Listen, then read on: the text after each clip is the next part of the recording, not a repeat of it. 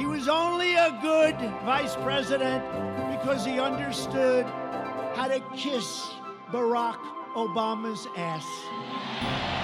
We choose truth over facts. Get that son of a bitch off the field right now. Out. He's fired. He's fired!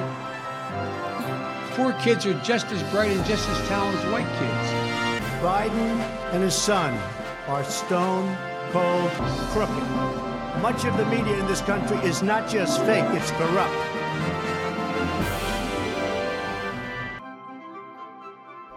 Okay, Frederik, vi har jo aftalt, at vi vil lave det her bonusafsnit. Er tv'et slukket derhjemme? Sådan. Okay, Frederik, vi har jo aftalt, at vi vil lave det her bonusafsnit, som vi sådan kan øh, henvise til, hvis vi føler, at vi er ved at snakke hen over hovedet på folk. Men det skal også være sådan, at vi i fremtidige afsnit øh, bare kan snakke, som det er, uden at føle, at vi skal tale ned til folk. Så derfor laver vi det her bonusafsnit, hvor vi lige giver sådan en slags 101 på amerikansk politik.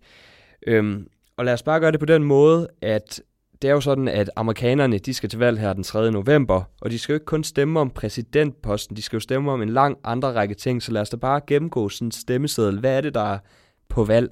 Jamen, øh, først og fremmest, så skal man jo stemme på en præsidentkandidat. Der er jo mere eller mindre, det afhænger fra stat til stat, men rundt, altså mere eller mindre, så er det jo Trump og Biden, man skal vælge imellem. Nogle steder, der er nogle tredje kandidater, øh, det kan være The Green Party, som er det Miljøpartiet, er med. Det kan være, at libertarianerne er på stemmesiden nogle steder. Men, men eller andre tredje kandidater, men mere eller mindre, så er det Trump. Kanye West for eksempel. Ja, men mere eller mindre, så er det Trump og Biden, man stemmer imellem. Og så skal man så stemme på den person, der skal sidde i repræsentanternes hus for en. Og det afhænger jo så af, hvad for distrikt man er i. Og distrikter er jo det, man kan kalde en, en, en stor kreds, eller en kreds i, i dansk pangdang. Så det er øh, den lokale repræsentant, der skal sidde for en i kongressen de næste to år. Og så nogle steder, cirka en tredjedel af, af, af sæderne til senatet er også på valg. Så det vil sige, at man i mange af staterne skal vælge en senator til at sidde i senatet som den ene af to senatorer. De bliver udskiftet løbende, fordi de sidder i seks år. Og hvad er senatet, og hvad er repræsentanternes hus? Ja, repræsentanternes hus er underhuset. Øh, I gamle dage i Danmark, der havde vi jo Folketinget og Landstinget. Og Folketinget, det var det, der hed underhuset, og Landstinget var det, der hed overhuset. Og overhuset er jo dem, der har det sidste, øh, den sidste, øh, hvad kan man sige, say. Det er dem, der kan blokere for den lovgivning, som underhuset kommer igennem med. Og der er repræsentanternes hus så underhuset. Og der er alle kandidater, alle valgte, de er på valg hvert andet år.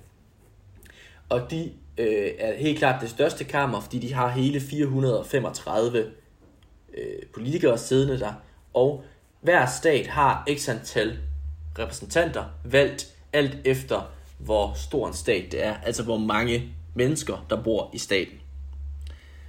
Det er så repræsentanternes hus. Senatet er så overhuset, og det er der, man sidder valgt for 6 år, man er valgt øh, for skudt, det vil sige, det er cirka en tredjedel af senatspladserne, der er på valg hvert andet år. Så, så i løbet af 6 år bliver alle senatorer enten udskiftet eller genvalgt, øh, afhængig af hvor og hvem man er. Og senatet er bygget op på den måde, at hver stat, lige meget hvor mange der bor der, har to senatorer, to pladser og det tror jeg, det hænger meget sammen med, at den amerikanske forfatning er bygget op omkring, at man helst ikke vil undgå at få det, der hedder flertalsdiktatur. Altså at flertallet i befolkningen bare kan bestemme over mindretallet til enhver tid. Så det er derfor, man laver rigtig, rigtig mange ting i USA for at sikre, at det ikke bare er det simple flertal af amerikanerne, der bestemmer, men at man også tager hensyn til, at hver stat jo også skal have noget indflydelse og, og sådan nogle ting. Fordi en stat som Wyoming med 800.000 indbyggere har jo minimal indflydelse i forhold til Kalifornien, der har 50 millioner indbyggere øh, eller mere. Så det er, er lidt måde, man gør det på i USA. Ja, og det har de jo så ikke i kraft af, at de begge to sender to senatorer afsted. Netop, så i senatet er alle stater ligestillet, og i repræsentanternes hus, der kører man så efter majoritet, altså hvad for nogle stater er størst. Og så har man så delt staterne i forhold til repræsentanternes hus, så har man så delt hver stat ind i små distrikter. Så hvis man bor i et distrikt 39 i Kalifornien, der var vi over i 2018 også to før valgkamp, ja. så kan man kun stemme imellem de kandidater, der er stillet op i det distrikt, og så i nabodistriktet er det så nogle andre kandidater, der stiller op. og så vælger hvert distrikt så en vinder, og dem sender man så afsted. Yes. Og distrikter kan blive oprettet, og distrikter kan blive nedlagt alt efter befolkningsudviklingen. Øh, eksempelvis øh, en, en relativt kendt ung repræsentant øh, hedder Alexandra Ocasio-Cortez, som er valgt for demokraterne. Hun tilhører den demokratiske venstrefløj. Der er man faktisk ude i, at fordi at der er ret mange mennesker, der flytter fra New York i de her år, øh, så kan hendes, altså staten New York, så kan hendes distrikt faktisk ende med at blive nedlagt. Og, og den, den distrikt, det geografiske område, bliver så opslugt af to andre distrikter, for at skabe balance i det. Øh, så det ændrer sig konstant med befolkningsudviklingen. Det ser man også i Danmark med de danske store kredse, at hvis der flytter mange mennesker til København, så ender København med at få en ekstra plads i Folketinget. Og det er vel egentlig også fair nok, at man gør det sådan. Ja, det er i hvert fald det princip, man arbejder ud fra i repræsentanternes hus. Poor kids are just as bright and just as talented as white kids. Biden and his son are stone cold crooked. Så har hver stat så en guvernør, og hvad er han for en størrelse? Jamen, en guvernør er jo, øh, man kan man kalde det, lidt en præsident på statsniveau. Altså, det er den udøvende magt i, i staten. Og det er lidt vigtigt at sige, at det kan godt være, at vi i Danmark bryster os meget af, at vi er kommunalt selvstyre, og hver kommune kan bestemme rigtig meget over deres egen politik, men det er ingenting i forhold til hver stat, fordi USA er jo en føderalt land. Det vil sige, at det er en føderation af rigtig mange stater, der sammen udgør et land. Hver stat i USA har utrolig meget selvbestemmelse på alt fra skattepolitik til socialpolitik til sundhedspolitik. Der er meget, meget selvbestemmelse. Så guvernørvalgene er ret vigtige, fordi det er jo lidt en mini-præsident for den ene stat. Okay, fair nok. Er der børn inde i din lejlighed? der er børn udenfor, der bliver med at skrige. Ja, det skal jeg lige love for. Nå, hyggeligt. Så man stemmer altså om de to kammer i kongressen, repræsentanternes hus og senatet, og så stemmer man om præsidentposten. Kan man godt vælge en demokratisk vicepræsident og en republikansk præsident for eksempel? Nej, øh, vicepræsidenten følger med præsidenten. Det eneste scenarie, hvor at det kan ske, det er jo, hvis der er øh, stemmelighed, eksempelvis hvis øh, hver præsident, øh, hvis præsidentvalget simpelthen ender uafgjort. Øh, der kan man så ende med, at repræsentanternes hus skal vælge præsidenten, og senatet skal vælge en, øh, en vicepræsident. Og nu, nu nævner du stemmelighed, så kan man måske tænke, okay, hvordan kan det stå lige, når der er så mange millioner, der skal stemme? Men det er jo fordi, man arbejder med de her valgmænd. Og hvordan virker det her valgmandssystem? Det handler dybest set om, at man ikke bare skal have flertal, der stemmer alt igennem, også præsidenten, men man vil gerne sikre sig, at der er nogenlunde opbakning fra det rundt omkring i de enkelte stater. Og derfor så har man så lavet det her, der hedder et valgmandskollegie, eller på engelsk The Electoral College, som gør, at hver stat har deres senatorpladser plus deres mængde af distrikter, eller altså repræsentanter i repræsentanternes hus, det lægger man sammen, og det er så øh, øh statens øh, valgmænd. Så eksempelvis så har øh, Wyoming, de har et distrikt, hele Wyoming er et distrikt, det vil sige, de har kun én repræsentant i repræsentanternes hus. Samtidig har de så to senatorer, og hvis du lægger de to tal sammen, så giver det jo tre. Og det betyder, at så har Wyoming tre valgmænd. Og en stat kan ikke have mindre end tre valgmænd. Kalifornien derimod, de har jo så langt flere, fordi de har en masse repræsentanter plus to senatorer, det giver så deres totale tal af valgmænd. Og det er det, der gør, at man vælger præsidenten. Det er faktisk ikke borgerne, der vælger præsidenten. Det er faktisk valgmændene, der vælger præsidenten. Øh, så man stemmer faktisk indirekte på en valgmand, som så går op og stemmer på præsidenten i sidste ende. Og så er den her valgmand forpligtet til at stemme på den præsidentkandidat, som staten har valgt, at vedkommende skal, skal, skal stemme på. Og det er vigtigt at sige, at man kan ikke bare splitte en stat stemmer eller noget. Hvis man får flest stemmer i Florida, så får man alle valgmændsstemmerne i Florida. Så hvis, hvis man nu siger, at man vinder med en stemme i Kalifornien, så får man alle 54 valgmænd mm. fra Kalifornien. Så man kan jo sige, det er lidt ligesom sådan et pointsystem, ligesom i Eurovision Song Contest, eller sådan noget. Vinder man, vinder man i et land, så får man alle 12 point fra ja. det land.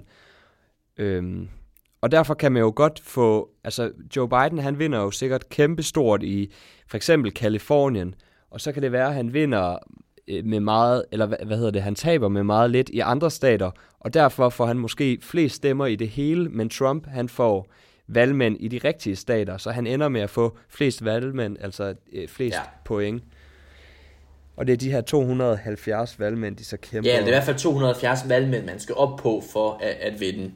Øh, I alt er der 538 valgmænd, så 270 det er det magiske tal. Og grunden til, at vi talte før om uafgjort, det er jo fordi, at hvis man hurtigt regner efter, så er 538 et lige tal. Det vil sige, at et valg i præsidentvalg kan godt ende 269-269. Og det er så der, at, at øh, repræsentanternes hus skal vælge en præsident, og, det, og senatet så vælger en, en vicepræsident. Og hvor sandsynligt er det? meget usandsynligt, meget usandsynligt, men, men vi har jo i indeværende årtusind allerede oplevet to gange, at en præsident har tabt i antal absolute stemmer, men vundet i forhold til valgmænd. Så jeg vil ikke udelukke noget som helst. Og her snakker vi om Al Gore, der jo vandt over Bush i flest stemmer, men, men Bush han fik altså flest valgmænd, da det stod klart, at han havde vundet Florida. Og så var der jo også Clinton, der vandt øh, med et pænt stort antal stemmer foran Trump. Men Trump han vandt altså de rigtige valgmænd, og så blev han præsident. Og så er der jo mange, der måske spørger sig selv som europæer eller danskere, hvordan kan det være, er det ikke synd for, en, for sådan en som for eksempel Clinton eller Al Gore, at de har flest amerikaners opbakning, og alligevel er det en anden, der bliver amerikanernes præsident? Er det fair? Øh, det kommer jo an på præmissen derfor, fordi at man kan sige, at republikanerne, som jo er meget for The Electoral College, de vil jo sige, at, at det gode ved forfatningen, det gode ved The Electoral College, det er, at man ikke, øh, hvad kan man sige, at man ikke bare sørger for, at det er de store, de store byer, New York, LA, Washington D.C., Miami osv., der bestemmer, hvem der vinder, vinder øh, præsidentvalget. Øh, mens at andre så vil sige, at det er jo bedre, at man rent faktisk satser på, at det er flertallet af befolkningen, der har ret. Øh, men USA er jo nogle gange bygget op sådan, at det ikke er sådan, og at man faktisk i forfatningen hele vejen igennem har sagt, vi gider faktisk ikke, at det er bare det simple flertal, der bestemmer hver gang, man vil gerne have, at der er noget mere øh, mindretalsbeskyttelse, og man kan sige hos de mindre stater. Og i disse år, der er det bare noget, der favoriserer republikanerne rigtig meget. Øh, ja, så man kan jo lidt hårdt sat op sige, at en, en øh, landmand fra Wyoming, hans stemme betyder mere end en beboer i Los Angeles for eksempel. Ja, det gør den helt bestemt, men det kommer så også an på, hvilket parti vedkommende er fra, ikke? Fordi hvis du er demokrat i Wyoming, hvis man er demokrat i Wyoming, så kan man godt argumentere for, at det ikke giver nogen mening at stemme, fordi Wyoming er så republikansk. Og omvendt kan man sige, at hvis man nu er demokrat i Kalifornien, så giver det måske god mening at stemme, og hvis man er republikaner, så giver det ikke så god mening, fordi at republikanerne aldrig vinder Kalifornien. Og det leder mig til mit næste spørgsmål, Frederik. Fordi, som du lidt er inde på her, så er der nogle stater, der bare er kaldt på forhånd. For eksempel Kalifornien. Man kommer ikke til at se Trump vinde Kalifornien den er demokratisk, blandt andet på grund af de her gigabyer som mm. San Francisco og Los Angeles. En svingstat, så har vi svingstaterne. For eksempel snakker vi meget om Florida, at Florida kan komme til at øh, afgøre hele valget. Der er en del valgmænd på spil dernede, og det er en ret tæt kamp. Hvad er en svingstat? En svingstat, det er en stat, der kan gå begge veje. Den kan, den, den, den kan have demokratisk flertal, den kan have republikansk flertal, alt efter hvad for et valg det er. Øh, og det er jo de eneste stater, hvis man skal være lidt hård, hvor det rent faktisk kan betale sig for alle at gå ned og stemme. Jeg tror også hele den her med, hvis vi lige skal runde den igen, at hele det der med, at mange sagde, at Hillary fik jo flest stemmer, så derfor skulle hun være blevet, øh, blevet præsident, Hillary Clinton. Argumentet holder vel ikke helt, når der ikke er noget incitament til, at hvis ikke man bor i en svingstat, øh, så kan man jo ikke, så kan det ikke betale sig at stemme, hvis man stemmer på det parti, der ikke normalt vinder staten. Så man kan aldrig rigtig sådan helt ærligt finde ud af, hvor mange foretrækker egentlig hvad for en kandidat frem for den anden. Men svingstaterne, der er jo nogle stater, der er vigtigere end andre. Det er de her stater, der kan gå begge veje. Typisk så plejer man at sige, at Ohio, Florida, North Carolina er typiske svingstater. Det er tre eksempler på typiske svingstater.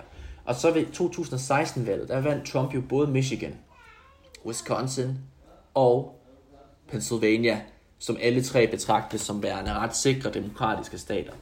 Men det var de ikke sidst, fordi Trump han til Sydlandet slog, slog rigtig meget på de emner, de gik op i.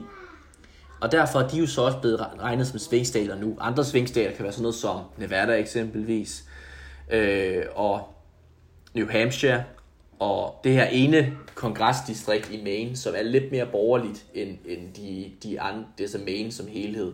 Så der er rigtig mange stater, Øh, og det er jo lidt det paradoxale er jo, at hvor at man har lavet valgmandssystemet for at undgå, at alle fører kampagne i Los Angeles og New York, så gør valgmandssystemet jo, at folk render rundt i, i Jacksonville, i Florida og i Detroit og så videre for at flytte stemmer i de stater i stedet for. Så det er jo ikke fordi, at præsidentkandidaterne rejser rundt til alle stater i USA og tager på den helt store turné. De laver jo en meget fokuseret turné baseret på meningsmålinger på, hvad for nogle svingstater kan vi rykke i vores retning. Så man kommer ikke for eksempel til at se Joe Biden bruge helt vildt meget energi i Kalifornien for eksempel. Nej, og han kommer heller aldrig, han kommer heller aldrig til Wyoming. Jeg er ikke engang sikker på, at Joe Biden nogensinde har været i Wyoming. det kan ikke betale sig for mig at tage derhen. Det er spild af penge, og det er spild af, af flybrændstof. Nu er det jo ikke noget, vi kommer til at fokusere helt vildt på i den her podcast, men på amerikanernes stemmeseddel, der skal de jo også stemme om sheriffen og byrådene og sådan noget. Altså, hvor lang er sådan en stemmeseddel? Der kan også være folkeafstemninger i de forskellige stater. Den kan være vanvittigt lang. Den kan være vanvittigt lang. Øh, øh, altså her de seneste 20 år, der har marijuana-legalisering eksempelvis været meget på stemmesiden i diverse stater. Der man kan have folkeafstemninger omkring øh, benzinskatter. Der havde de, de havde en folkeafstemning omkring benzinskatter, da, da jeg var i Kalifornien sidst i 2018, for at følge med i valgkampen derovre. Øh, der kan være ufattelig mange ting, og det, det sjove er lidt, øh, at i Danmark, der har man meget sådan med, at det er faglighed. Man har en, en forestilling om, at der er en faglighed, der skal trumfe enhver politisk holdning. Øh, i, I princippet er det jo faktisk justitsministeren i Danmark, der vælger dommerne.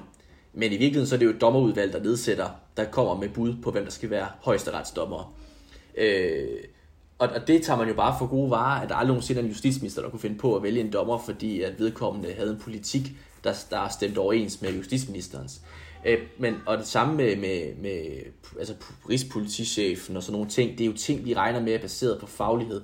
I USA, der, der elsker man at have den her demokratiske eller folkelige legitimitet i sådan noget. Så sheriffen i den enkelte øh, politidistrikt og sådan noget, dem vil de gerne vælge, fordi de vil gerne være sikre på, at sheriffen har en holdning, der stemmer overens med deres. Det samme med chefanklageren i en stat, eller anklageren i et distrikt, district attorney, de kan godt, prosecutor, de kan godt tænke sig, at dem, der anklager de kriminelle for de forbrydelser, der nogle gange skal anklages for at begået, at det bliver anklager, det bliver øh, en, en sagshåndtering, kan man sige, der stemmer overens med den politiske kompas. Og det er derfor, vi ofte ser eksempler på, at når de her anklager, de skal genvælges, eller hvad det måtte være, at så kommer der nogle lidt hårde ting, fordi de gerne vil virke, som om de var tough on crime.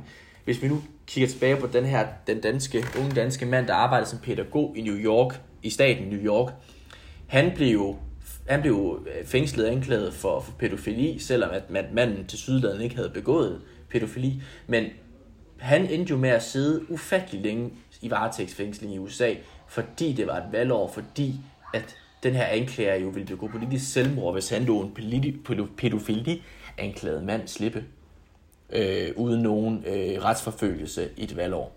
Ja, og det var den her sag om Malte Thomsen i 2014, sådan 27-årig dansker, der var pædagog derovre, øh, og han døde jo så i 2019 af en blodprop, øh, efter at have været gået igennem den her sag. Poor kids are just as bright and just as talented as white kids. Biden and his son are stone cold crooked. Okay, vi har to store præsidentkandidater øh, mod hinanden, og der er jo faktisk andre partier, der er opstillet. Bare lige først, hvorfor er det, man ikke snakker om andre kandidater? Det er... Selvfølgelig har Kanye West fået lidt omtale, men ja, ellers... det er jo fordi USA har det valgsystem, de har. Øh, og man plejer jo inden for, hvad kan man sige, politologien at sige, at der er en lov om, at hvis man har et valgsystem, hvor vinderen tager det hele, som man jo gør øh, i de enkelte stater, altså hvis du får 51% af stemmerne, øh, eller 48, og din tætteste konkurrent får 47, så vinder du staten. Så får man et topartisystem, fordi det kan simpelthen ikke betale sig for, man kan simpelthen ikke som tredje parti komme ind og få nævneværdig repræsentation. Øh, der er nogle få undtagelser, eksempelvis i England, øh, med nogle andre partier end Labour og Conservatives, men dybest set så bliver det på to, topartisystemer, og det er derfor. Så i princippet kunne man sige, at hvis der nu var en stat eller et distrikt i en stat, hvor man gik helt vildt meget op i en bestemt sag, så kunne man godt stille op og vinde det distrikt, og så komme i repræsentanternes hus. Men en Kanye West eller en ja. fra et tredje parti vil aldrig nogensinde kunne tage præsidentposten udefra.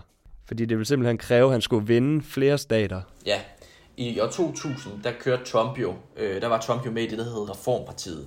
Og der flyttede han meget kraftigt med at stille op, og nedsatte faktisk også en, en præsidentiel komité. Altså han, han ville aktivt jagte det som tredje partikandidat.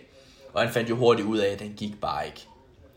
Øh, og derfor så har han jo nok også lavet den, at han jo vil blive præsidentkandidat for en af de to, to store partier. Og det sjove er også, at siden 80'erne, så har Trump faktisk været medlem af det modsatte parti, end det parti, der havde præsidentposten. Så det virker lidt som om, at han har i hvert fald tidligt forstået, at et tredje parti kunne godt lade sig gøre, men det er helt klart nemmest at stille op som en demokrat eller som republikan. Vi kan også lige snakke om, hvordan bliver man præsidentkandidat. Lad os bare tage øh, Trump, der kom udefra. Hvordan, hvis man vil være præsident, hvis man går med drøm om det her og lytter til vores podcast, så skal man selvfølgelig være født i USA, men hvad, mm. hvad skal der ellers til? Jamen, man skal jo være demokrat eller republikaner, og man skal øh, give igennem en primærvalgs øh, valgkamp, hvor man skal vinde, hvor der er altså valg blandt partiernes medlemmer i alle mulige stater.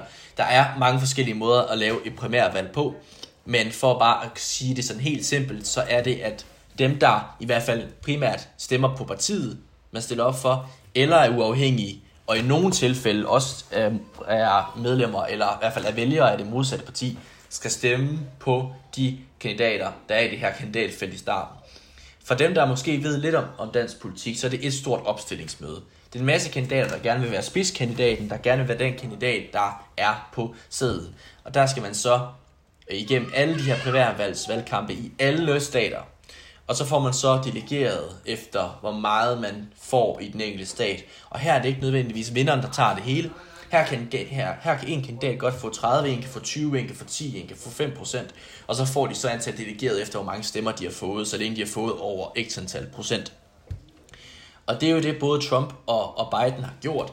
Trump øh, var jo forhat af etablissementet i det republikanske parti, men han formåede jo hele tiden der tilbage i 15 og i 16 at få de der 20, 22, 23, 24, 30 procent afhængig af staten, som var nok til, at han fik det mere delegeret end de andre, og kun i ganske få tilfælde øh, tabte stater. Og det var det, der gjorde, at han blev valgt. Og det samme med Biden. Biden blev udfordret meget kraftigt af Bernie Sanders, men han formåede jo i sidste ende at komme igennem og, og vinde over Sanders, især, især da man kom ned til sydstaterne, som var mere skeptiske mod øh, over for øh, Bernie Sanders mere sådan venstreorienteret politik. Og han var jo også for eksempel op imod Kamala Harris, som nu er hans øh, vicepræsidentkandidat. Ja, og, Men for at opsummere, det er ikke sådan, at partiet, ligesom i Danmark, for eksempel lige prikker en på skulderen og siger, Jakob Ellemann, nu er det din tur, eller, eller man har en kronprins eller en kronprinsesse, Nej. og Helle Thorning så siger, nu er det Mette Frederiksens tur. Ja. Det er altså vælgerne, og alle får lov til at stille op. Mere eller mindre, ja, men det kræver nogle penge, og det kræver noget popularitet hvis man ikke kan fundraise så så mange penge, og øh, få x antal procent i målingerne, så bliver man ikke inviteret med til tv-debatterne. Og hvis ikke man er med til tv-debatterne, så kan man ikke, øh, så kan man simpelthen ikke øh, komme igennem og blive præsidentkandidat for partiet. Og det, jo for hver debat, for det jo længere tid der går, jo flere tv-debatter man er igennem, jamen så skærpes kravene til, hvor mange penge man skal have fundraiset, og hvor mange procent man skal have i målingerne. Og det er derfor, man ser, at de her primærvalgsdebatter på tv bliver mindre og mindre og mindre, og færre og færre kandidater. Det er fordi, at kravene bliver skærpet. Poor kids are just as bright and just as talented as white kids. Biden and his son are stone cold crooked. Frederik, lad os bare lige tage vores fire kandidater, som vores øh, æsler og elefanter kommer til at handle om. Vi har den siddende præsident Donald Trump, så har vi den siddende vicepræsident Mike Pence, der stiller op med Donald Trump. De stiller op for republikanerne. Og så har vi Joe Biden for demokraterne, der så udfordrer sammen med Kamala Harris som hans vicepræsidentkandidat. Kan du ikke lige sætte nogle ord på de her fire? Lad os bare starte med Joe Biden. Hvem er han egentlig? Joe Biden, han er jo en meget, meget erfaren politiker. Han har været senator siden 1973, og han var mest kendt alt for at være vicepræsident under Joe, øh, under Barack Obama i, i 8 år, fra 2008 til 2016. Og han er øh, jo en erfaren herre, men han er også en ældre herre. Og det er jo det, der er blevet lidt en, en sjov ting i valgkampen, han bliver angrebet for sin alder. Fordi Trump er ikke meget yngre, men øh, man, folk, det hævdes, at man kan se det tydeligere på Biden, at han ikke er øh, 40 år længere. Man kan sige, Biden har jo, er jo på en måde det perfekte, den perfekte modstander til Trump, fordi Biden han er jo etablissementskandidat, og han er jo en viderebygning af det, Obama lavede. Og hvis der er noget, Trump han har bygget sin platform op omkring, så er det at være imod etablissementet, og at være imod det, Obama byggede op, øh, og det projekt, Obama havde. Omvendt, så kan man sige, at Biden er jo en, en, en mand, som jo er meget populær i sydstaterne, meget populær blandt afroamerikanerne, og øh, ikke at jeg tror, at Biden ville kunne flippe nogle demokratiske stater, øh, eller republikanske stater over til at blive demokratiske, men i svingstater som Florida og North Carolina, der burde øh, Biden i hvert fald være en, en okay farbar vej for, for demokraterne at, at, at gå. Er han ikke lidt en gentagelse af Hillary Clinton? Det ville man jo godt kunne påstå, hvis man skulle lege djævelens advokat, og det er jo også det, han bliver angrebet for at være. Øh, og det er jo også hans, det er jo på en måde hans styrke, og det er på en måde hans svaghed, fordi det Hillary Clinton ikke formåede at gøre, det var at få øh, den mængde af støtte, som Obama fik fra blandt andet afroamerikanerne. Øh, og det var det, der ramte hende. Og det er ikke fordi, jeg tror, at Biden ville kunne gøre noget lignende. Øh, altså ramme Obamas niveau, det tror jeg ikke, nogen kan. Øh, I hvert fald lige med det første. Men Joe Biden, han bør kunne gøre det bedre end Hillary Clinton, og det er også det, demokraterne de satser på. Og det er jo også det, han står til lige nu. Øh, men vi ved jo selvfølgelig også godt, at man skal aldrig tage meningsmålinger for 100% sande og vejledende. Han stiller sig op med Kamala Harris, som var hans modkandidat i primærvalgene, øh, og hun trak sig der den 3. december 2019, og så i marts så annoncerede hun så, at hun selvfølgelig pegede på Joe Biden som deres næste præsidentkandidat. Hvem er hun for den størrelse? Jamen, uh, Kamala Harris, hun har jo været, uh, kan man sige, ja, på dansk justitsminister i Kalifornien fra 2011 til 17. Altså, hun har været distriktsadvokat, hun har været anklager, hun har øh, ja, haft en stor juridisk karriere, og så har hun så også været øh, folkevalgt og været senator for Kalifornien lige siden øh, 3. januar 2017. Hun blev valgt i 16 ved Trumps valg, og hun er jo som sådan politisk i senatet en relativt ny størrelse, men hun er jo en, en sjov kandidat, fordi hun slår sig meget op på at være afroamerikansk osv., men hun er faktisk øh, det, man vil nok vil kalde en anden generations indvandrer, kvæg at hendes mor er fra, øh, jeg tror hun er fra Indien, og hendes far er fra øh, Jamaica, og begge hendes forældre har en stor og lang universitetskarriere, og hun er selv højt uddannet, øh, som sagt, og er en af dem, som man troede kunne være den nye Obama på den måde, at hun kom ud af ikke helt ingenting, men kom med ikke så mange års politisk erfaring, og kunne øh, ryste i systemet og give lidt en mere establishment-agtig modtræk til Trump, men stadigvæk en, der kom ud fra og ikke var fedtet ind i 40-50 års øh, politik. Øhm, og hun var jo en af dem, der gik aller hårdest til Biden under primærvalget. Det er det, der er ret interessant. Hun var jo ikke gik imod ham for ting, han havde lavet i 70'erne med tilskud til øh, modstand mod tilskud til, at, at afroamerikanske børn kunne blive kørt i bus til nogle skoler, øh, så man fik, du ved, spredt, gjort, hvad kan man sige, øh, skolerne og high school og sådan noget mere mangfoldigt i, i, i Kalifornien, hvor hun boede og sådan nogle ting. Så det er noget meget interessant, øh, det er meget interessant, at han har valgt hende, og det er jo fordi hun er en kvinde, og det er fordi hun er en minoritetsamerikaner. Det er noget, som man plejer jo ofte at bruge vicepræsidenten som et redskab til, at man kan nå nogle vælgere, man ikke selv kan nå. Og man bliver nok ikke meget videre end Joe Biden. Så derfor er det jo klart et klogt træk at have en yngre kandidat, og have en kandidat, som kan tale til nogle andre vælgergrupper. Man bliver ikke meget videre end Joe Biden. Det skulle da måske lige være vicepræsident Mike Pence. Hvem er han for en? Mike Pence er jo ham. Hans primære rolle er at opveje for det, som Trump ikke kan. Fordi Trump har jo i store grader sit liv været en playboy, øh, været skilt øh, to eller tre gange, og er lidt den der øh, flamboyante type, om man vil. Og Pence er jo lidt antitesen på den måde, at han er også selv republikansk, naturligvis, men han er meget mere kristen. Altså man er ikke i tvivl om, at Mike Pence er en person, der har sådan religiøsitet meget inde på livet, og han taler meget, meget godt til den der mere øh, fundamentalistiske, eller i hvert fald mere bogstavelige kristne befolkning, der er i USA, som typisk er mere øh, republikansk orienteret end andre. Og det er Mike Pence, og Mike Pence er jo også en, en, en modsætning til Trump på den måde, at han jo har mange års politisk erfaring, været guvernør i Indiana, øh, og ved, kender spillet øh, i Washington D.C. i modsætning til Trump. Eller det gør Trump jo så nok nu, men da han blev valgt som præsident, så havde han jo ikke nogen politisk erfaring. Og det er det, Mike Pence han giver Trump. Og så har vi ham jo så den sidste, den fjerde på stemmesiden, Donald Trump. Hvem er han? Man skal måske have boet under en sten for ikke at have hørt lidt om ham, men lad os bare for en god ordens skyld, hvem er Donald J. Trump? Jamen, Donald John Trump, han er øh, USA's præsident, øh, og for dem, der ikke følger så meget med i amerikansk politik, så er det også ham, der hjalp Kevin med at finde lobbyen i øh, Alene Hjemme 2. Øh, han er en mand, der har været en del af, af offentlighedens lys i USA i mange, mange, mange år. Har været er en rig forretningsmand. Hvor meget han egentlig er værd, ved man faktisk ikke helt, men vi er nok oppe i milliardklassen. Han er jo, han havde i mange år et tv-program på NBC, der hed øh, The Apprentice, hvor at det var, hvor man, han fyrede folk og virkede chefagtig og så videre, var med til at, og kan man sige, personificere ham som en mand, man godt kunne stole på, træffe nogle gode beslutninger og så videre. Han har været præsident i snart fire år, og han øh, har jo mildest talt været en polariserende karakter i USA, fordi han har øh, om nogen ikke været bange for at sige sin mening, har ikke været bange for at træde nogen over tæerne, og ikke bange for at give den gas på, på Twitter. Øh, på mange måder en meget mere øh, straightforward præsident, end hvad man var vant til med George Bush og, og Barack Obama. Øh, han, øh, kan man sige, har jo haft fordel af at have flertal i senatet og repræsentanternes hus de første to år af hans præsidentskab, fik lavet nogle store skattelettelser blandt andet, og så her de seneste to år har han så været i mindretal i repræsentanternes hus, men har flertal i senatet.